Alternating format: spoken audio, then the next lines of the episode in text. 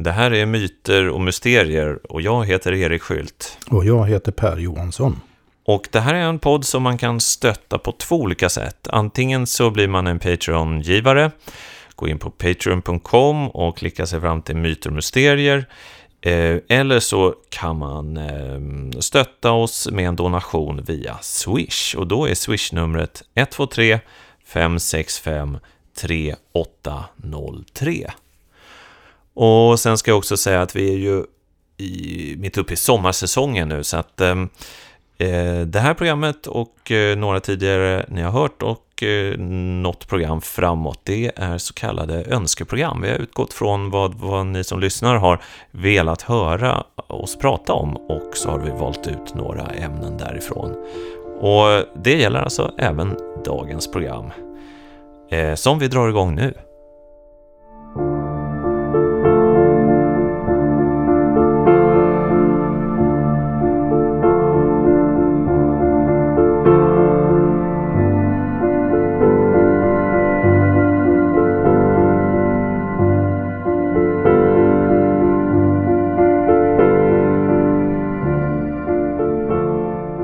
Jag tänkte faktiskt att vi skulle inleda med att prata om musik. Det är ju någonting som vi inte gör så ofta faktiskt. Eh, vilket kanske är lite märkligt för att mitt, vad ska man säga, mitt vanliga jobb. eh, när jag inte sitter här med dig och pratar om eh, mystiska saker, det är ju att jag har ett program i Sveriges Radio P2 som handlar om musik och eh, mest klassisk musik. Som inte är så lite mystiskt det heller många gånger. Nej, det kan också...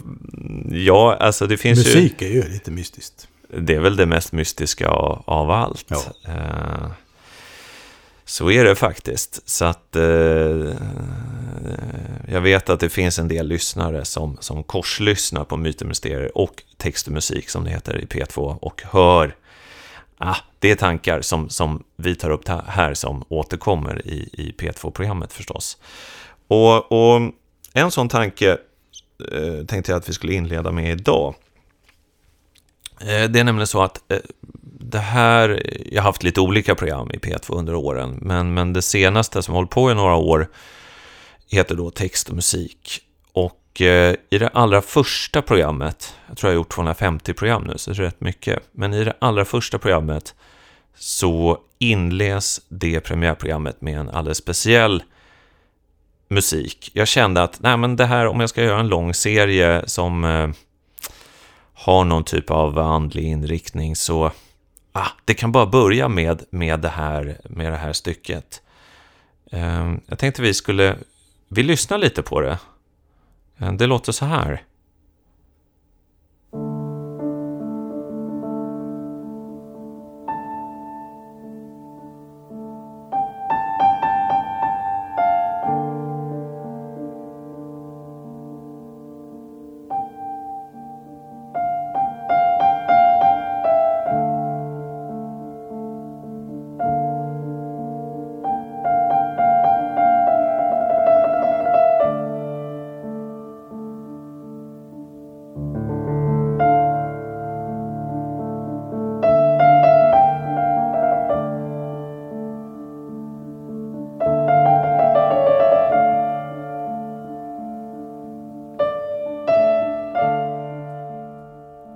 Den här enkla pianomelodin, den eh, har alltså titeln Kurdisk herdemelodi. Och eh, tittar man på skivan så står det att eh, kompositörerna, eller upphovsmännen, heter Georg Ivanovich Gurdjieff och Thomas de Hartman. Och eh, jag bara snubblade över den här musiken. Det är ofta så att jag liksom sitter och Mm, lyssnar på olika saker på Spotify och så plötsligt är det någonting som dyker upp och så känner jag, det här, det här, här finns någonting. Och just den här skivan hade, hade de kvaliteterna, så jag började läsa på då. Gurdjieff, vem är det? Och de Hartman, vem är det? Och efter ett tag så insåg jag att eh, Thomas de Hartman, han, han var någon typ av kompositör. Och denne Gurdjieff, han var någon typ av mystisk andlig vägledare.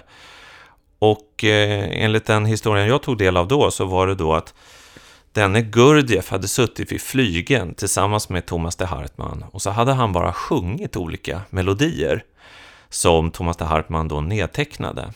Och den, den här då vemodiga kurdiska herdemelodin, den, den kommer då från, från Gurdjieffs gnolande som Thomas de Hartman sen gjorde, gjorde då ett eh, partitur av och skrev ner det i noter. Men det intressanta med den här melodin är att jag har aldrig hört något liknande. Det är liksom som en blandning av folkmusik och klassisk musik och det har något längtande och mystiskt över sig. Och som den... är all musik som går under, man kan hitta under Gurdjieffs namn praktiskt taget. Den har en otroligt stark, samtidigt upplyftande och vemodig, melankolisk, vacker, otroligt vacker karaktär. Väldigt det, speciell. Det, det är någonting absolut direkt i den musiken. Ja. Den... Um Ja, jag kände helt enkelt att om jag, om jag ska inleda en lång programserie i P2 så, så då, då, ska du börja med det här. Det här är liksom anslaget. Och sen blev det faktiskt att eh, det här mötet med Gurdjieffs musik, det, det ledde mig in Ja, det ledde mig vidare till annan musik från de här trakterna. Han har ju rötterna i Georgien på ett eller annat sätt. Och både Georgien och eh, Armenien som ligger nära, det är två länder eh, som har en fantastisk musikskatt. Har man inte hört georgisk eller armenisk musik, då har man någonting underbart framför sig, skulle jag säga. Det här är, det är helt fantastiskt alltså. Och det, det är det här vemodet, eh, det avskalade samtidigt helt direkta. Men, men musikmötet ledde då till att jag började kolla upp den här Gurdjieff. Och eh, han har ju ett helt otroligt liv alltså. Ja. Det här är... Ja, det är som en... Det är nästan som någon typ av äventyrsfilm. Man tror ja, att det, det, är... Någon, det, är, det är en äventyrsfilm och saga. Och han har också på något sätt, verkar det som, medvetet gestaltat det. I den mån han har bjudit på någonting av det. på det sättet. Han är ju, biografiskt sett hör han ju till de de här underjordiskt inflytelserika personerna som är väldigt svåra att och, och, och få någon riktig eh, säker koll på biografiskt.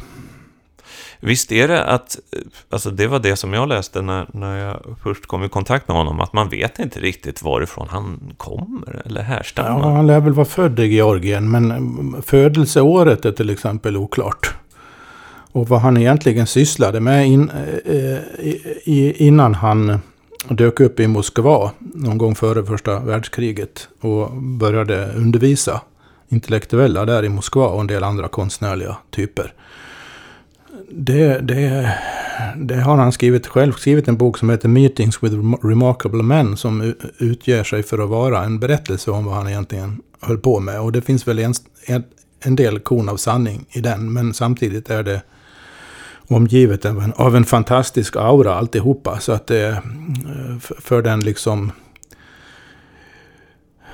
vad ska man kalla det? Eh, mera världsligt nördigt sinnade biografen som vill liksom pinpointa datum och platser och människor och, och, relationer och sånt där så är det inte mycket att gå på egentligen. Men på det stora hela kan man väl säga att han i, i unga år bestämmer sig för att söka sanningen om världen och ger sig ut då på, på en lång resa eh, österut och eh, kommer tillbaka efter många, många år och har funnit den. Och man vet inte riktigt, han säger väl själv att han har besökt några hemliga sällskap och blivit in, initierad i, i den, den hemliga läran. Och nu ska han sprida den då västerut. Det finns en väldigt rolig skildring av honom när han dyker upp i Moskva där. Och hans mest kände skildrare, uttolkare, hette PD eh, Det var journalist men också hade en bakgrund som matematiker och filosof. Eh, han har skrivit den, den, de flesta som kommer i kontakt med Gurdjieff och börjar studera det lite närmare eh, hamnar som regel först i en bok av just Uspensky som heter In Search of the Miraculous. Som är en oerhört innehållsrik, tät bok, delvis inte helt lätt att förstå minst sagt. Eh, men också oerhört spännande att läsa. Eh, han, han berättar där om när han för, allra första gången stöter på Gurdjieff på något café. Så får han en omedelbar känsla av att han är förklädd. Att han, att han igen, inte alls är det han, han, han så att säga eh, ser ut att vara. Så den här dubbelheten att han å ena sidan verkar spela en roll. Å andra sidan under den rollytan finns någonting helt annorlunda. Den var tydligen väldigt påtaglig för, för Ospensky från första början. Men sen så, så, så han... Det är ju märkligt med Gurdjieff, för att han... Jag hör liksom hans namn nämnas här och där hela tiden, men det är nästan som en viskning. Alltså det, jag, jag tror aldrig jag läst någon kultursidestext om Gurdjieff. Alltså jag, det, jag tror inte... Vad jag vet, alltså finns det i princip nästan ingenting översatt till svenska. Eh, på så sätt är han okänd, alltså mycket mer okänd än, än andra från liksom förra sekelskiftet. Eh, vi har pratat om Madame Blavatsky och liknande och teosofiska rörelserna. Det är mer, och Rudolf Steiner och sådana, de är liksom mer kända. Men Gurdjieff, han, han är ännu mer i, i periferin. Ja, jag tänkte faktiskt på det inför dagens inspelning. Som, som jag ser det så finns det egentligen fyra personer, karaktärer, under slutet av 1800-talet, första halvan av 1900-talet och en bit en bit längre in på 1900-talet också, 60-70-talet, som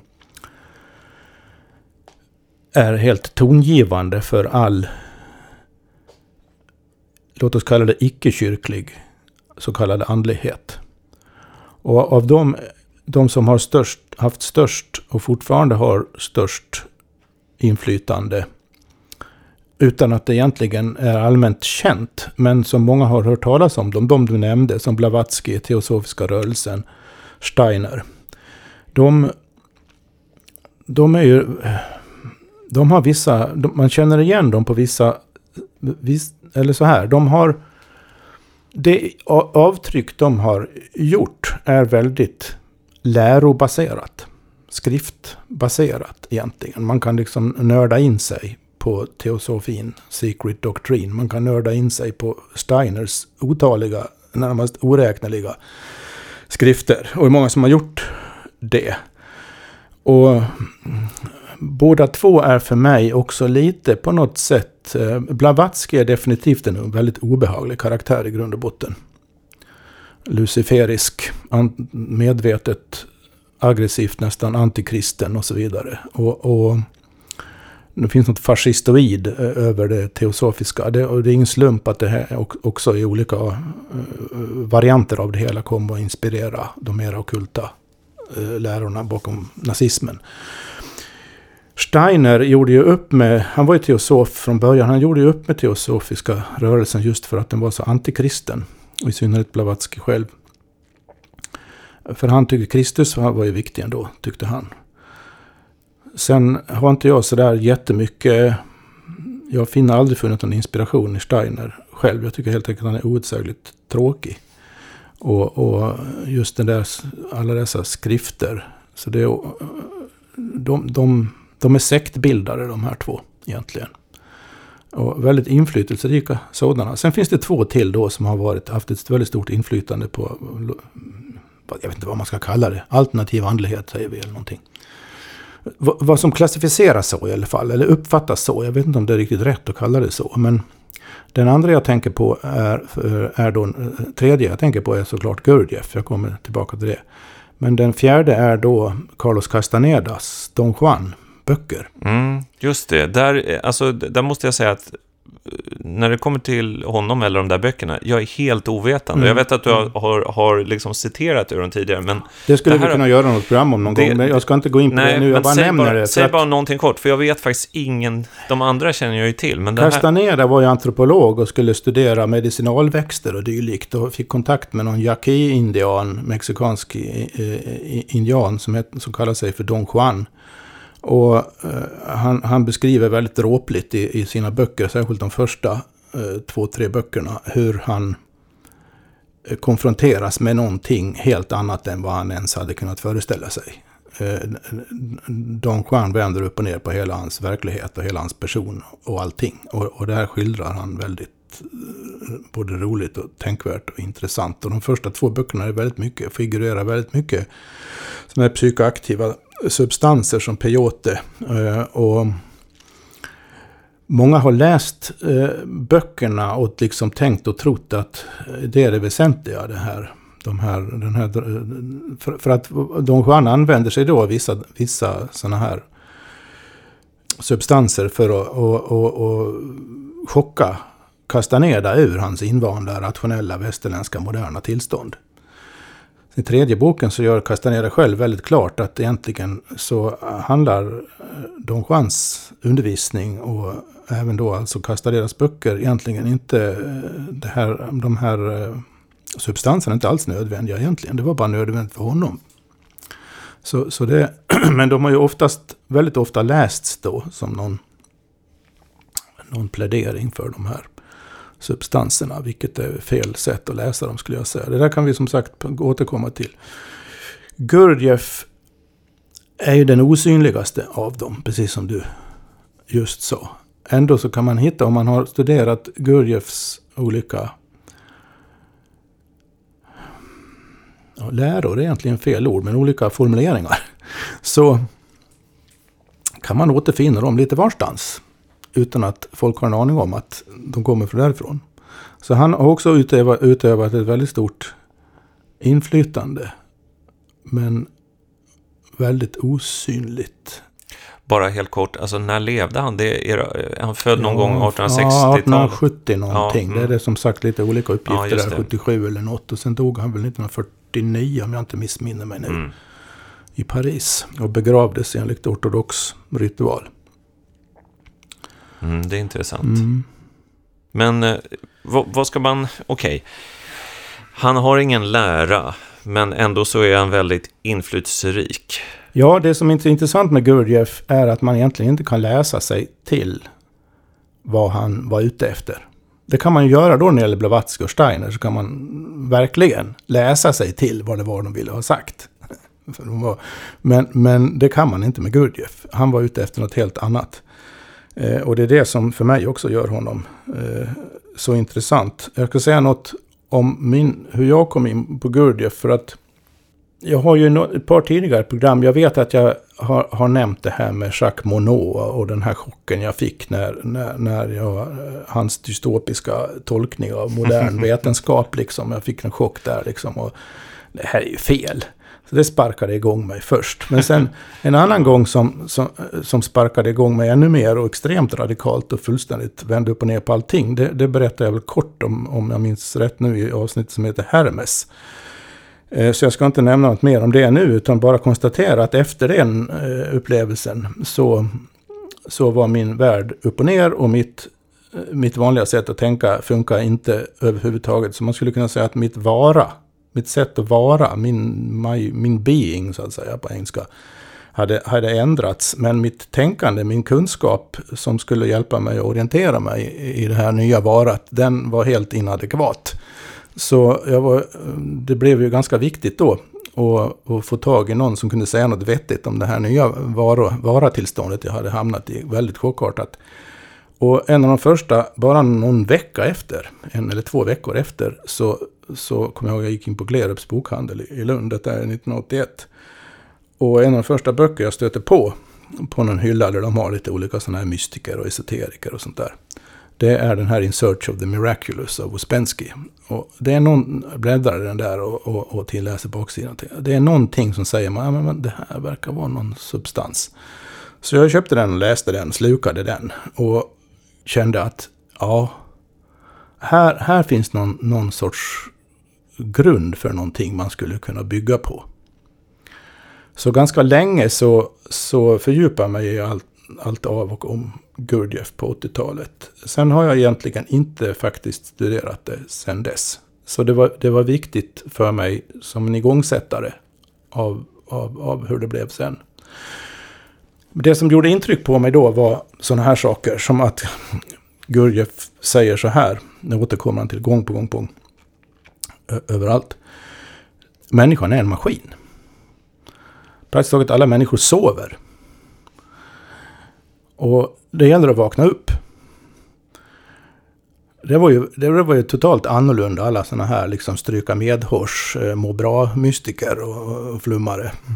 Så det, det gjorde, det var, det var liksom en avgörande anledning. Men den som säger så, den har förmodligen något mer att, att, att säga som är användbart. Och där har du ju någonting av det här, du säger att mycket av Gurdjieffs tänkande har liksom spritt sig och man hör det på många olika ställen utan att man vet att det kommer från honom. Det där har ju blivit något typ av senare 1900-talets, alltså på många sätt förvanskat, alltså nästan ett stridsrop.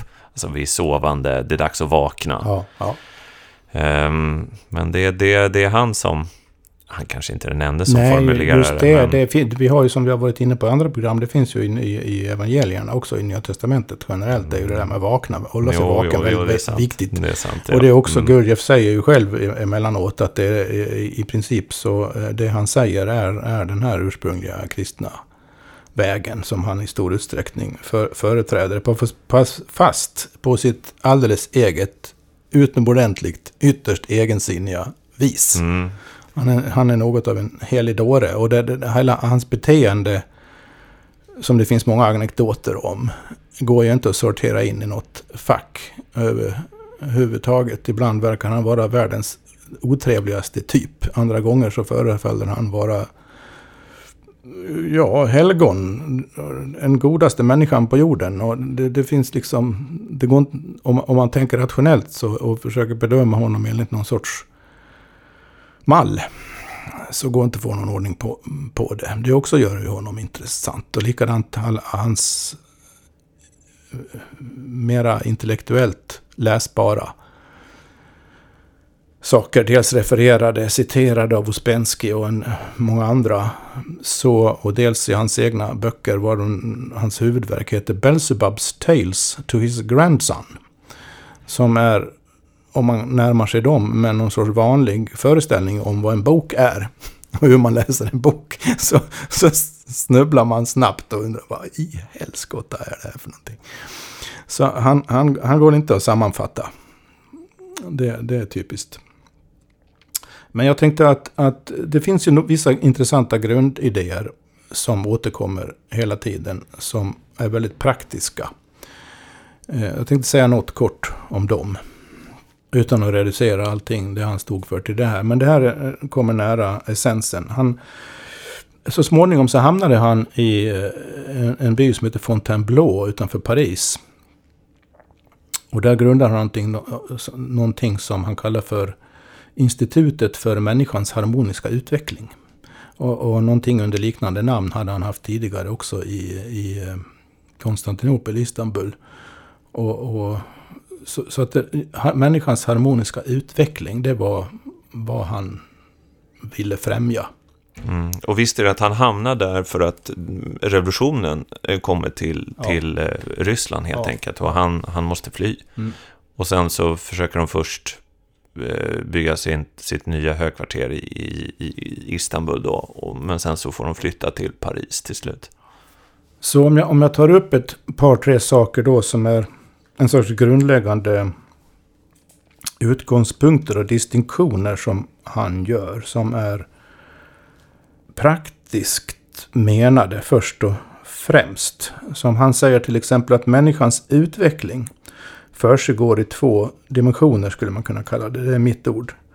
Nämligen kunskap och varande, hur man är, eller being som det står i de engelska översättningarna och böckerna. Eh, och när allt är som det ska då så utvecklas hur man är i fas med ens kunskap och omvänt. Men om kunskapen då utvecklas mer än hur man är, mer än ens varande. Eller om man utvecklas, alltså hur man är, ens varande, ens kunskapslösa varande så att säga, utvecklas mer än ens kunskap. Eh, då blir utvecklingen skev och stannar av. Och det är väldigt svårt då, konstaterar han, att, komma, komma ur det där. Och i, i väst, han, det är intressant för att han, han kommer alltså från en andlig miljö, andlig traditionell miljö. Som är totalt icke-västerländsk. Allt han säger kommer från ett ställe där, som, som inte har någon beröring med moderna västerländska idéer överhuvudtaget. Och u, u, från det stället så försöker han då få moderna intellektuella ofta och konstnärliga västerlänningar att fatta någonting och vakna upp och hjälpa dem med det. Så det är liksom situationen. Och så säger han till då dessa eh, väldigt, ofta väldigt självmedvetna, eh, i, i närmast dålig mening, personer som tycker de är något. Att du, du, du är en maskin. Du sover. Det, det är inte, då, då liksom, vissa då tyckte att, mm, tog anstöt då. det där kan man inte ha något att göra med. Andra kände liksom att, anade lite som, som Ospensky, att det fanns något annat under. Han påpekade också att det finns olika nivåer av kunskap och det vet alla att det finns. Men det finns också olika nivåer av varande, eller being. Och det är, inte, det är ju i, i vår kultur, västerländska kulturen, inte allmänt erkänt överhuvudtaget. Utan egentligen är det bara någon sorts biologisk existens som man tänker sig är en sorts gemensam nämnare. Att det skulle kunna finnas olika nivåer av att vara. Av att leva, det, det ingår liksom inte i vår, eh, vår ja, filosofi, metafysik. Och ännu mindre finns det någon förståelse, och det var, var väl hans grundinställning som jag ser det. Ännu mindre finns det någon förståelse för att kunskap värd namnet måste grundas i hur man är. Och vad som har hänt i väst är att kunskap, och var och en av oss personligen på olika sätt, som har växt upp här i den här delen av världen, i det här historiska skedet. Det är att om, om, om kunskapen har sprungit iväg förbi, långt bortom allt vad varande being heter. Och vi, vi, är liksom fullproppade med kunskap om en sak utan alla andra saker. Vi är fullproppade med kunskap om detaljer utan sinne för helheten. Och vi är fullproppade med kunskap om form och logisk form eller form i annan abstrakt mening utan att ha någon vetskap överhuvudtaget om vad han kallar för essensen. Och det är också ett sånt här viktigt ord för Gurdjieff, essensen. Han skiljer med att människan, människan består eh, av två huvuddelar kan man säga. En person, det han kallar en personlighet och det han kallar essensen.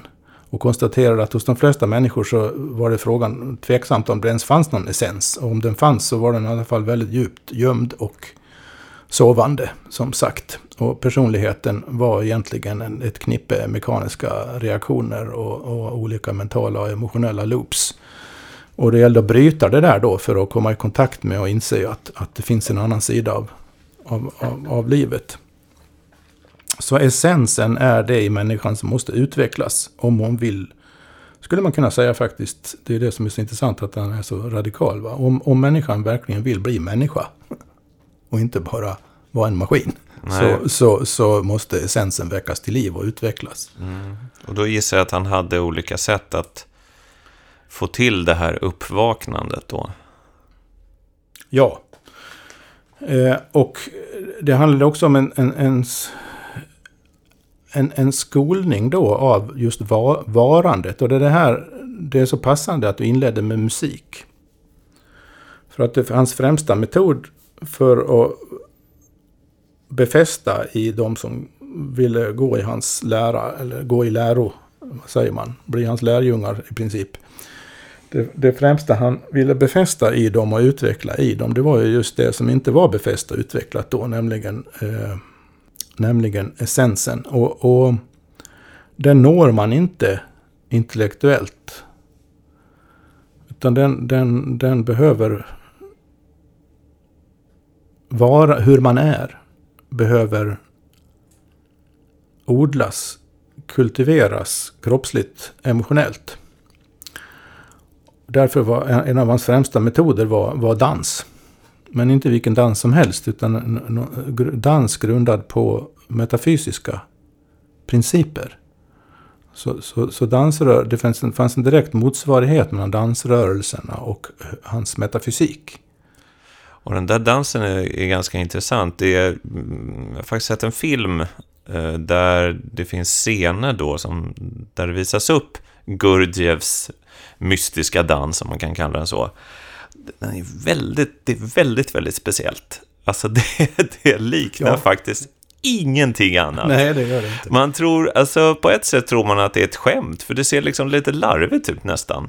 Eh, det ser, ja, alltså, det enda som, som jag tycker att det liknar på något sätt är, ifall någon har sett och det här finns det säkert en koppling. Om någon har sett eh, ursprungskoreografin till Stravinskys Våroffer, eh, det där klassiska, den klassiska balletten, eller klassiskt, den, den liksom utanför. Den, han gjorde uppror mot allting där. Och eh, det var, det var ju Paris i, precis före första världskriget. Det, det sägs ju att, eh, var ju på Stora Parisoperan där, att det sägs ju att eh, publiken buade så mycket så att dansarna inte hörde orkestern. Och då är det ganska, eh, det, det är rätt bra tryck i orkestern i, i Våroffer. Men, och sen så har den där koreografin då modifierats och moderniserats, eller man har gjort om den några gånger. Men det finns, ursprungskoreografin finns kvar och den kan man se också i olika filmer. Och här tycker jag finns en koppling till Ja, det till finns det Gurdjieff. i högsta grad. Och, och ett, av de, ett av de första, men kanske, inte det, kanske till och med det första, jag minns inte helt säkert, uh, uh, yttre, liksom offentliga uttrycken för Gurdjieff. Det var en, en, en, eh, en, en föreställning, någon sorts dansmusikföreställning som man kallar för The Struggle of the Magicians. Magikernas kamp, som var liksom en ond och en god magiker. Svart och vit magi. Som, som eh, eh, Mm. Den, Grundfrågan blir ju då såklart eh, hur vaknar man upp? Först och främst måste man lägga märke till att man sover. Man måste liksom uh, väck, väck, uh, någonting måste uppstå i en som gör att man kan se en skillnad. Man kan i sig själv märka skillnad. Ja, nu sov jag. Ja, men nu var jag vaken i fem sekunder. Eller en minut. Eller något. Så att man, man lär sig att urskilja hur det känns att vara vaken jämfört med hur det känns att sova. Och då ska man komma ihåg att sova här betyder praktiskt taget allt vi gör när vi tycker att vi är medvetna och inte sover. Så, så vakenhet här är något väldigt speciellt Eh, tillstånd som, som inte har någonting med vår, vår, vad vi i vardagslag menar med att vara vaken. Det, eh, för, för vad han säger är att, är att praktiskt taget allt människor gör hela dagarna är, är, är, är bara olika former av sömn. Omedvetenhet. Så det här vakna tillståndet är, är eh, ett annat ord han använder där för att mm, liksom ringa in det hela. Och det här, det här finns utrett av hans olika lärjungar i all oändlighet. Man blir nästan trött på det, men om man bara läser det. Men det gäller att förstå grejen. Ehm, det, det är att det är en, en sorts tillstånd av eh, självobservation. Att man alltså är man, är med, man skulle kunna säga så här, man är medveten om att man är medveten. Man, man känner i hela sin varelse en sorts klarhet att man finns. Jag är här i min kropp. Och, och det, det går inte att förklara eller uttrycka i ord egentligen. Men, men det är en sån enorm kontrast mellan det tillståndet och ens vanliga mm, vardagsmedvetande. Så, så man märker det. mm. Det där tror jag är... Alltså det här är ju svårt att tala om, men jag, jag tror att det här är, är liksom den genuint starkaste mystiska upplevelsen. Alltså erfarenheten att vara vid liv. Det finns en fantastisk liten bok eh, som är skriven av Hagar Olsson. Eh, som var hon är egentligen mest känd för att vara god vän med Edith Södergran. Och eh, eh, gav ut liksom ja, det finns deras brevväxling finns bevarad till exempel. Men, men mot slutet av sitt liv så skrev Hagar Olsson en bok som heter Jag lever. Mm. Som bygger på ett möte som hon hade med en döende man. Som på sin dödsbädd liksom vaknar upp och utropar med klarvaken eh, blick. Jag lever! Och sen dör. ja. Och det där skakade henne då. Va? Vad hände här i det här dödsögonblicket? Jo, men den här mannen, han insåg liksom att, och möt, i möte med döden då, att nej men, jag lever ju faktiskt. Och sen så resten av boken är en meditation över de där orden, jag lever, vad är det egentligen? Men där fick in mig på tänkan att, ja, jo, jag gissar att det här liknar det Gurdjieff försöker uttrycka att Ja, alltså vi, vi tänker ju inte på att vi lever. Alltså det, det bara pågår. Nej, vi bara håller på ja, på något vis. ja, Precis. Så så att det där, det- när man, har man erfarit sådana ögonblick så gäller det att, att göra dem till grund för vad man vill vara och bli. Och, och, och det är det som hela Gurjevs uh, eh, strävan gick ut på, i den mån jag har begripit någonting av det.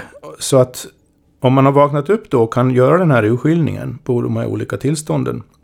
Alltså man vaknar bara upp tillfälligt, sen somnar man igen. Men det dröjer ändå kvar så att man vet med sig att det är en skillnad här. Och då blir ju det som vi varit, var inne på något tidigare program, det kanske var det som hette eh, frestelse, om jag möjligen, ehm, att det gäller att hålla sig vaken. ja, som lärjungarna i Getsemane, Getsemanes ja. trädgård, ja. Man får inte... Jesus höll sig vaken, men de somnade. Mm, Och det, exakt. det är ju det som är problemet då. Så att det första som måste hända är att man vaknar upp så att man vet att man kan vara vaken. För innan man har vaknat upp, om så bara en kort stund, så vet man inte ens om att man, att, att man kan vara vaken. Mm. Utan man tror att man är vaken när man sover. Och, och det är det värsta som kan hända en egentligen. Och stanna kvar i det tillståndet. Så, så väldigt mycket av vad då Gurdjieff försökte få, liksom, få folk att, och, som kom i kontakt med honom, lite djupare kontakt med honom, få dem att liksom arbeta på. Det var det där att hålla sig vaken. Och där, därför kom det är så roligt det där. Och man kan, vad, vad, vad kallas det där man håller på med när man följer Gurdjieff? Jo, det kallas för the work. Arbetet. Liksom. Det finns ju en hel del eh, sådana här grupper som eh, med varierande framgång, eh, efter vad jag har hört, eh, försöker hålla det här vid liv fortfarande. Som utgick från, från Gurdjieff. Det är väl en historia för sig, jag ska inte gå in på det. Eh, jag bara säger lite kort här om hur jag har uppfattat det hela. Så för att bara liksom kort repetera det här så, så långt då. Va? Om det är någonting människan inte har av sig själv, enligt Gurdjieff, så är det hon har inte ett klart medvetande. Hon är inte en fri vilja. Hon har inte något permanent jag, något permanent fast punkt i sig själv. Hon har ingen förmåga att göra någonting på, på riktigt. Utan allt är bara eh, automatiska aktiviteter och reaktioner. Här låter ju väldigt hårdraget, Ja. måste man ju säga. Men, och eh, det, det, det, det var så han, han, han uttryckte sig på det Ja. viset. Det var hans liksom utgångspunkt. Och det var det, det, det, som, det var det som gjorde sånt intryck på mig när jag kom i kontakt Ja. med honom först. Att här har vi en, en person som å ena sidan har massa intressanta och vettiga och användbara och praktiserbara saker att säga om den här urskiljningen mellan att sova och vara vaken. Å andra sidan så uttrycker sig så drastiskt. Vilket fick mig att känna att här är det på riktigt. Här är det allvar. Här, är det ingen, här går det inte att jam, jamsa runt. men han kanske ville vara så drastisk just för att folk skulle reagera. Ja, såklart. Ja. Visst. Så det var ju också en medveten strategi säkert. Så väldigt förenklad grunden för det hela då är, är, är att det här arbetet med att hålla sig vaken det handlar om att, att etablera en balans mellan kunskap och hur man är. Mellan, mellan knowledge och being på engelska. Jag ska bara säga någonting där om, om vakenhet och sömn, för att det... Ja, han, han gissar att han uttryckte att han hårdrog det då för att eh, provocera och eh, få en stark reaktion. Men samtidigt så, det är ju så här. Alltså jag minns det från, nu var det några år sedan, men, men jag sysslade tidigare väldigt mycket med att intervjua folk. Och ofta liksom kända såna här kulturpersonligheter. Och då var det som att Alltså, jag var tvungen att utarbeta en metod för att få något nytt ur intervjun. För att om man bara ställde de vanliga frågorna fick man de vanliga svaren. Och man såg i de här människornas blickar att när man hamnade i det där, det vanliga, då blev det något typ, då var det som en maskin. Det var som att prata med en maskin. Alltså det var samma, jag kunde höra för att ofta hade jag gjort en research då. Där jag hade lyssnat på tidigare intervjuer eller läst tidigare intervjuer. Och då så var det samma formuleringar som kom i princip ordagrant. En gång till. Och eh, det där... det där, alltså det, vid en första anblick så blev jag nästan chockad över att, att det var så här. Det här tror jag då inte bara gäller kända kulturpersonligheter, jag tror att det gäller alla människor. Mm. Det är bara att alla människor inte blir intervjuade, så att, så att det märks inte. Utan det är liksom samma saker som sägs om och om igen. Det här, en del äldre människor, ofta om man ska hårdra det, äldre män, oftare än äldre kvinnor, har ju det här drivet till sin spets, att de säger faktiskt samma saker om och om igen. Och det går inte att kommunicera egentligen, det går inte att få in ny information, utan det är samma saker. Det här provokationen i det Gurdjieff sa som jag eh, refererade, ligger ju i att det är sant. Det är ju ingen provokation för provokationens skull, utan provokationen är ju att, eh, eh, att man inser att det ligger så obehagligt mycket i det. Inte bara när man iakttar andra, utan det avgörande är ju att se det där i sig själv också. Hur, hur många automatismer som man själv eh, styrs av egentligen. Absolut. Och det där är... Så det här är nog någonting som gäller oss alla, eh, men, men, men den där sömnen, alltså, den tycker jag att jag har iakttagit. Eh, bara en annan reflektion är ju, nu när jag är, jag är ju pappaledig på halvtid här, så att eh, umgås ju väldigt mycket med små barn. Alltså både mitt eget som är nio månader nu och andras då, ett litet gäng som, som ses. Och då Eh, träffar jag också äldre barn som är sådär i 3-4-årsåldern. Och den 3-4-årsåldern, alltså när, när Jesus säger ni ska bli som barnen för att eh, kunna träda in i Guds rike, då tror jag han syftar på en fyraåring eller en treåring. För att det är ju uppenbart att vakenheten är total där. Alltså det är... Dels så är de här 3-4-åringarna väldigt visa och, och det är nästan som att de har någon slags mystisk andlig förmåga att förstå saker. Så jag har en kompis som, som kom till mig för några veckor sedan och sa att du, alltså min dotter, hon har börjat ställa en massa frågor om Jesus. Uh, han bara, jag har inte berättat någonting, men hon är liksom helt besatt av de här uh, gamla berättelserna. Och då får jag prata lite med henne om Jesus och då, hon förstår allting. Alltså det, jag tycker, jag håller inte på att romantisera det här, utan det är så. Ja, jo, men det känner jag också. Och den, den där öppna, alltså det här tror jag är, är barnet i oss, som måste hela tiden födas på nytt för, ja, att, vilket, för att sömnen inte, inte ska ta över. Vilket leder till att man krast kan konstatera att i princip allt vi kallar skolgång och utbildning går ut på att söva, söva barnen och ungdomarna ja, och hålla oss sovande sen, vilket är en annan, ja, ett annat program. Det är ett Men annat program. Så ser jag det att, det, att det faktiskt är. Och det är ju det, det, är ju det ljuset som det här får sin eh, också får sin verkliga betydelse. Att det handlar inte bara om, om, om, om, om någon rent personlig utveckling här, utan det är något som är samhällskritiskt egentligen. Ja. Kritiskt jo. för samhället. Och eh, mot nuvarande samhälle. Jag tänkte eh, fylla på med lite mer detaljer här. Eh, för att än så länge är det ju ganska vagt. Bara för att antyda. Eh, nej, vagt är det väl egentligen inte. Men det är väldigt allmänt. Bara för att antyda lite grann de mer specifika ingredienserna hos Gurdjieff också. Jag sa det där att han kallade sitt ställe för Institutet för människans harmoniska utveckling. Och vad är det som då ska harmoniera? Jo, det är att han, han hade som utgångspunkt att människan konstit människans konstitution är uppbyggd av olika, som han kallar för centra. Eller, så att det, fanns då, det finns då alltså någonting som man tar de engelska termerna, för att det mesta man kan läsa om Gurdjieff finns på engelska. Kallar för moving center, instinctive center, emotional center, sex center, intellectual center, higher emotional center och higher intellectual center. Och han sa då också att eh, de flesta människor har inget higher intellectual center och inget higher emotional center. Och sex center fungerar egentligen bara som det ska om det är förenas med higher emotional center. Annars så, så eh, genererar det bara en massa mekaniska saker.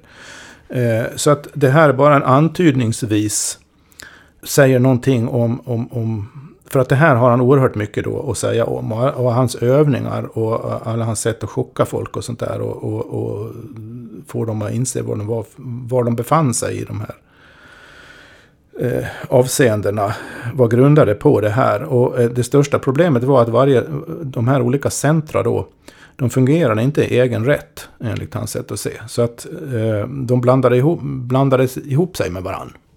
Så att intellektet tog över när känslorna skulle egentligen vara re, rena och urskilja rätt och, och, och, och så vidare. Så, så, det, så en väldigt stor del av, av, av, arbetet med att utvecklas här då, det gick ut på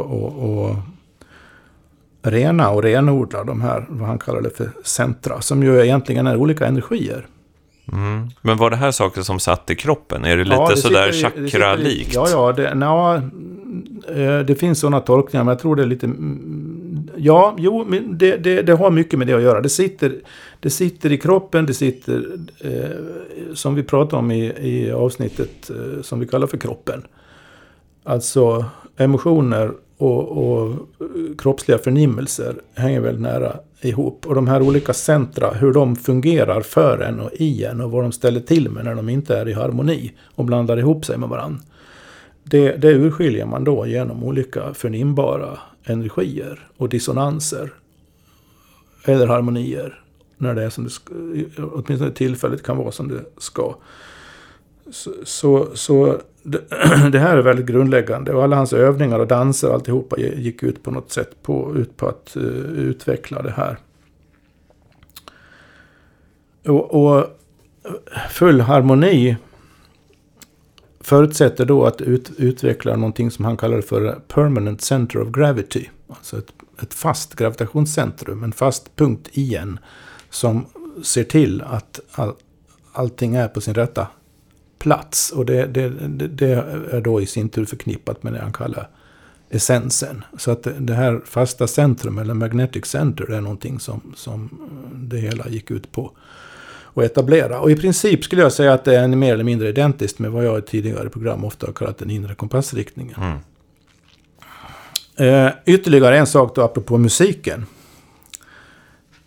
Jag sa att en det fanns en metafysisk grund för uh, vissa av hans, ja egentligen alla, men vissa, vissa rörelser i de här danserna och andra rörelser var grundade på någonting som han kallar för enneagrammet. Och det här är någonting som är eh, många har hört talas om idag, själva ordet. Jag har hört ordet enneagram och, och det har spritt sig de senaste decennierna som, som en sorts personlighets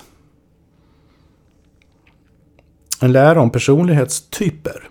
Och det finns en massa tester. Man kan ta en enneagramtest och, och se vilken personlighetstyp man är. Och det här är, det är en, hel, en hel personlig utvecklingsindustri det här kring, kring, kring just enneagrammet.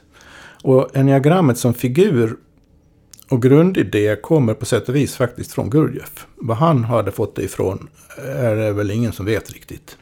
Det måste vara på några av hans mystiska känna, resor. Ja, man kan känna igen, alltså principerna bakom det hela har uråldriga rötter. Och, och, man kan definitivt känna igen det från sådana ställen som, som den pythagoreiska traditionen och sacred geometry och sånt där. Men det intressanta med Gurdjieffs enneagram då, det är att det, det fungerar på, det, det har ingenting med typer att göra. Utan det relaterar just till musik, bland annat. Eh, han, han Enneagrammet i Gurdjieffs variant, och det här blir ju då lite, lite halvobegripligt att bara säga det så här. Men jag tycker ändå det är... Eh, det finns en poäng att och, och, och liksom peka på det. Han menar att den musikaliska skalan, eller oktaven, det här Do, Re, Mi, Fa, Sol, La, Si, är en uttrycker eller så här får man säga, i Gurdjieffs system så uttrycker den, den oktaven uttrycker samma processer som enneagrammet också visar. Men här har du då sju toner. I enneagrammet är det nio steg eller nio punkter. Och, eh, han ser då det, det här som eh, led i en process. Så varje, varje utvecklingsprocess, både när det gäller andlig utveckling och när det gäller biologisk utveckling, liksom hur, hur naturen fungerar och allting. Så, så eh, försiggår i de här stegen. Där do, re, mi, fa, sol, la, si är olika steg i den här processen. Mhm. Så alltså, eh, vad han säger är egentligen att grunden för hur kosmos fungerar är musik. Minns du vilken kosmologi där världen sjungs fram? Ja, det är ju i Silmarillion. Ja, Tolkien. exakt ja. Det är en väldigt vacker, vacker sån bild av världen. Och alla gudarna sjunger i den här perfekta harmonin. Och sen så är det ju en då som vill eh, bryta sig loss ur kören. Och Eh, sjunger, han sjunger falskt helt enkelt. Det blir så. Så att allting skär sig och, och hela skapelsen då blir skadad. Och det är ju den onde guden Melchior. Han som sen kallas för Morgoth och är liksom herre till Sauron. Man tror ju om man bara sett filmerna och inte läst böckerna innan att Sauron är den ondaste i världen. Men han är ju bara en liten hantlangare i jämf- i jämförelse med den här den onde guden som sjunger falskt. Eh, och det där, alltså... Musiken är ju mystisk. Alltså det är ju också någonting av det mest mystiska vi har. Alltså ibland så känns det som, jag brukar ha en sån bild av att eh, förr i tiden så, så var det lättare för, vad ska man säga, den andra världen att ge sig till känna i vår värld.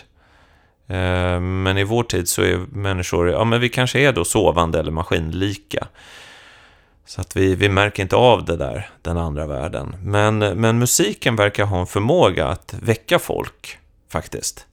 Det är ju... ehm, ja, alltså Varför, det... Vad är det som gör att man känslomässigt påverkas av musik? Ja, vad är det? Ja, ja, För det gör man direkt. ja Och där finns ingen tankeprocess. nej, nej. en viss, nej. viss musik får en omedelbart att känna sig sorgsen. Ja, En viss musik får en omedelbart att känna sig uppåt och vilja börja dansa. en annan Mm, visst, musik visst. Får, får en att bli deprimerad och vilja ta livet av sig. ja, visst. Och, och, och ytterligare musik kan få en att, kan få en att bara känna blä. Ja. Och, och, och det där är direkt va. Så, så och det är, så, det, det är så man behöver förstå en, en, en, en, eh, en person som försöker få människor att inse vissa saker och utvecklas i en viss riktning, som Gurdjieff. Man, man måste förstå att när han, alla hans olika sådana där, som, en, en som inte riktigt, aldrig riktigt förstod Gurdjieff, skulle jag våga säga, var faktiskt hans mest kände lärjunge Ouspensky. För Ouspensky var en intellektuell typ som, som inte kunde låta bli att intellektualisera i slutändan. Nej. Och byggde ett system av det hela. Och, och Gurdjieff var aldrig intresserad av, av något system överhuvudtaget. Utan han var- jag kan inte tolka alla berättelser som finns av honom och skildringar av hur han gick tillväga och alltihopa. Jag kan inte uppfatta det på något annat sätt än att, än, än att det handlar om att, att människor behövde lära sig och förnimma och känna igen kontraster mellan olika saker. Vad som sövde, vad som väckte, vad som, vad som orsakade disharmoni, vad som ledde till, till, till harmoni och så vidare. Så där, därför är det meningslöst egentligen att, vad ska man kalla det, studera Gurdjieff.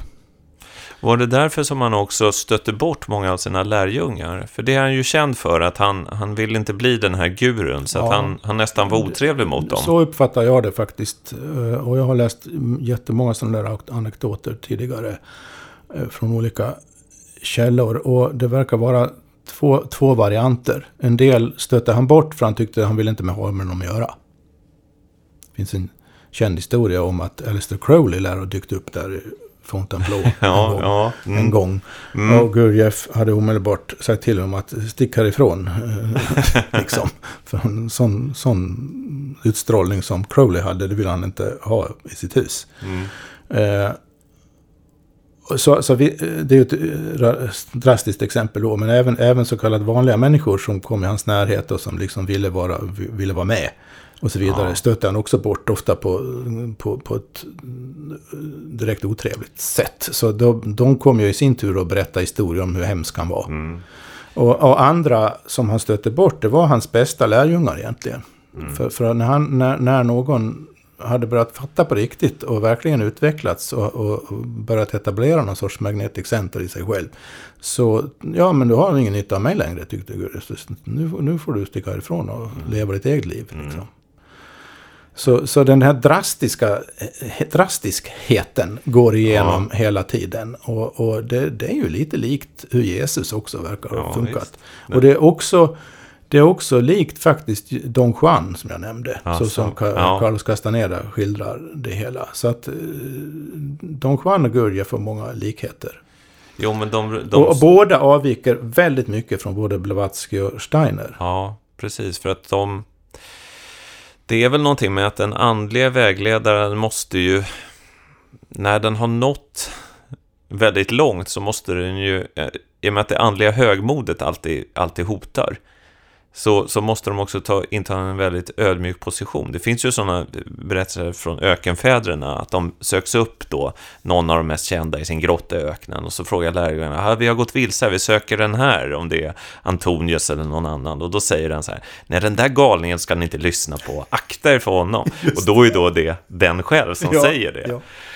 Det där är lite också, det här är lite larvig referens, men det är som när Luke Skywalker träffar Yoda i, i Star Wars-filmerna. Och han, var är den här store jedi-mästaren? Och så är han en liten grön gubbe som Ja. är tre decimeter hög och liksom ser ut som ett troll.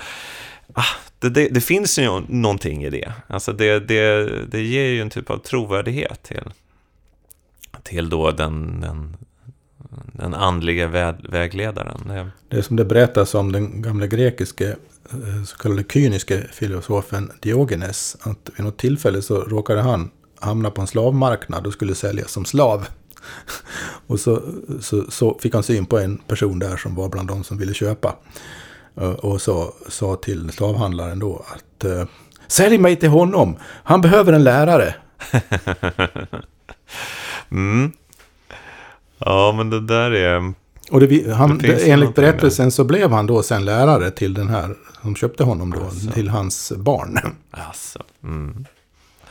Men det här med musiken då, alltså det är intressant. Han Jag som- bodde för övrigt i en tunna.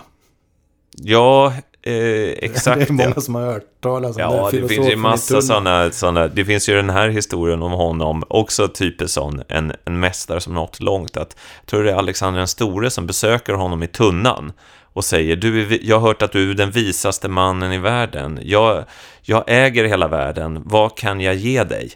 Och då säger Diogenes bara, jag ber dig att flytta dig ett steg åt sidan, för du skymmer solen. Exakt. Ja, det är samma Diogenes. ja, det är ungefär det. Men det här med musiken tänkte jag på. Alltså, I och med att vi började med musik så... Jag som ändå studerat den västerländska konstmusiken väldigt noggrant. Det finns ju en väldigt ehm, intressant utveckling där. Att den går från harmoni till eh, motsatsen. Mm. Och eh, det disharmoniska och atonala eh, slår igenom då efter eh, första världskriget skulle man kunna säga. Och efter det så förlorar konstmusiken sin, sin kraft. Alltså det... Um, den som fortsätter utvecklas och blir mer och mer avancerad är det nästan ingen som bryr sig om. Alltså, det finns ju kvar än idag, liksom modernistisk musik. Som är... Men det är inte, den har inte många fans. Den har inte den här centrala positionen i samhället heller.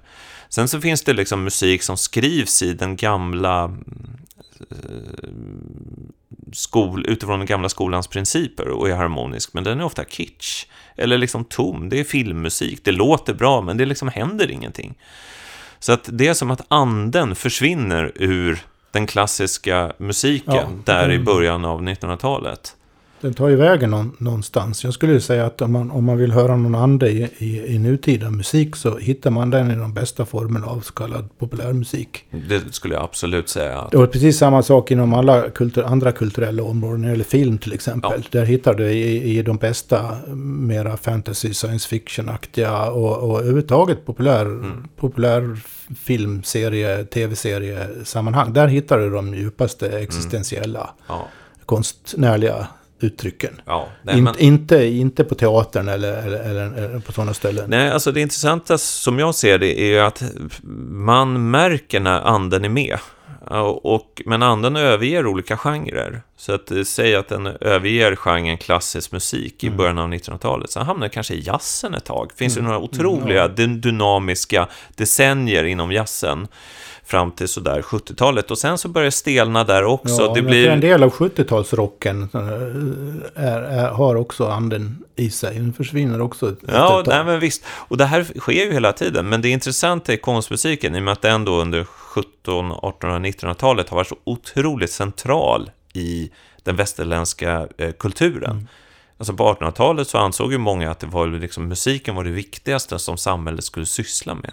Hade en otroligt hög ställning. Mm. Ja, visst, man behöver bara tänka på en, den främste och mest kända av alla svenska kompositörer, Johan Hellemich Roman. Som, som ju var ledamot av Vetenskapsakademin för, för uh, valdes i, uh, på rekommendation av Linné. ja, det är uh, snyggt. Och, och för att det var nämligen viktigt att eh, den, musikal, den musikaliska vetenskapen var en del av, av hur man såg på vetenskap på den ja. här tiden. Så att mm. för att veta och förstå någonting så måste man eh, kunna både musicera och förstå hur musik fungerade. Det är ju en annan, eh, med andra ord, en väldigt annorlunda kunskapssyn än vad Vetenskapsakademin numera företräder. Verkligen. Men det, det och det, det här, får vi göra något program om det här någon gång, alltså den västerländska konstmusikens utveckling och dess mystiska eh, baksidor. Men det är att det finns ju, det finns i princip ett, ett eh, musikaliskt verk där eh, harmonin löses upp. Eh, och sen kommer den liksom aldrig riktigt tillbaka. Det blir ett nytt ideal. Och sen så kan man fråga sig då, är det musiken som, som driver på utvecklingen eller är det musiken som bara speglar en samhällsutveckling? ja, det, det, är svårt att säga. De... Jag, själv har jag ofta tänkt på Gustav Mahler som vissa av hans symfonier uttrycker för mig dödsryckningarna på något sätt. Ja, det är det. Som vi pratar om här nu. Mm. För att eh, där, ta an, andra symfonin, där, där rätt vad det är så är det, det är så sublimt vackert som man, ja. man börjar gråta. Och sen andra delar av den ganska lång, den här andra delar är det liksom, så börjar man gråta av en helt annan anledning för att det blir bara hemskt. Så han måste, ja. han måste upplevt det här otroligt starkt. Ja, absolut. Jag, jag, skulle säga att Mahlers andra symfoni, som kallas då Uppståndelsesymfonin, det är ju en, ja, det är en magisk rit, skulle man kunna säga. Ja. Det är det. Det, det är från, från, från, från liv till död till liv, går det ungefär. Uh, och uh, om man har suttit igenom hela den är lång. Ja. Och sen så kommer till slutet där då uppståndelsen kommer och det nya livet. Det, det, det är nog någonting som kan väcka ja, människan ja, ur sömnen. Men det intressanta är att det här då avsteget från harmonin finns i förspelet till eh, Richard Wagners Tristan och Isolde, operan. Det, och det, det här är musikteoretikerna överens om, att här kommer någonting nytt in som inte har funnits tidigare.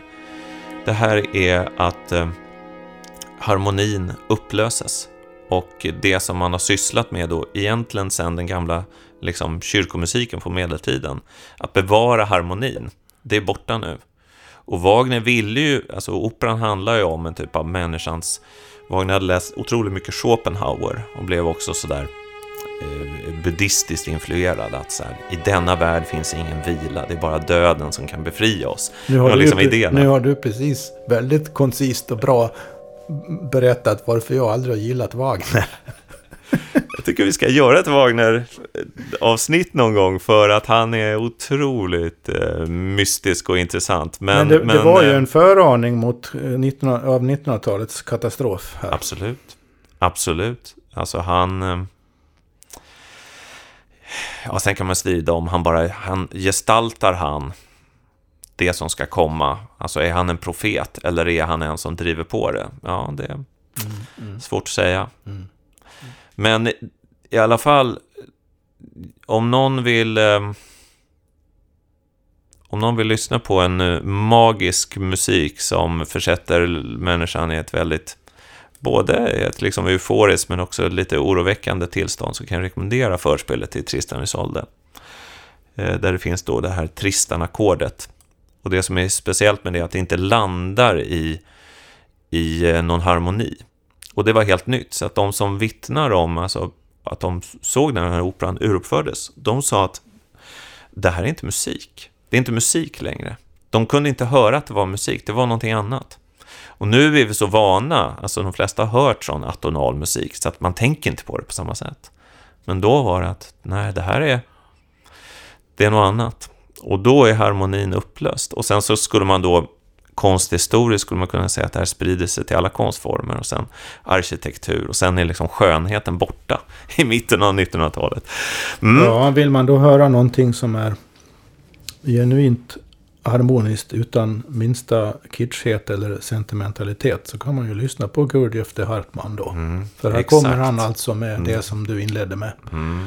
Sådan musik in i detta ja. 19, fruktansvärda 1900-tal. Ja. Eh, jag har en känsla av att om det är någonting som Gurdjieff på riktigt kommer bli ihågkommen för så är det den här musiken. Jag mm, tror också att tror den kommer också. få en större spridning för den är... Jag har aldrig hört något liknande. Nej. Faktiskt inte. Och eh, den är väldigt, väldigt, väldigt enkel.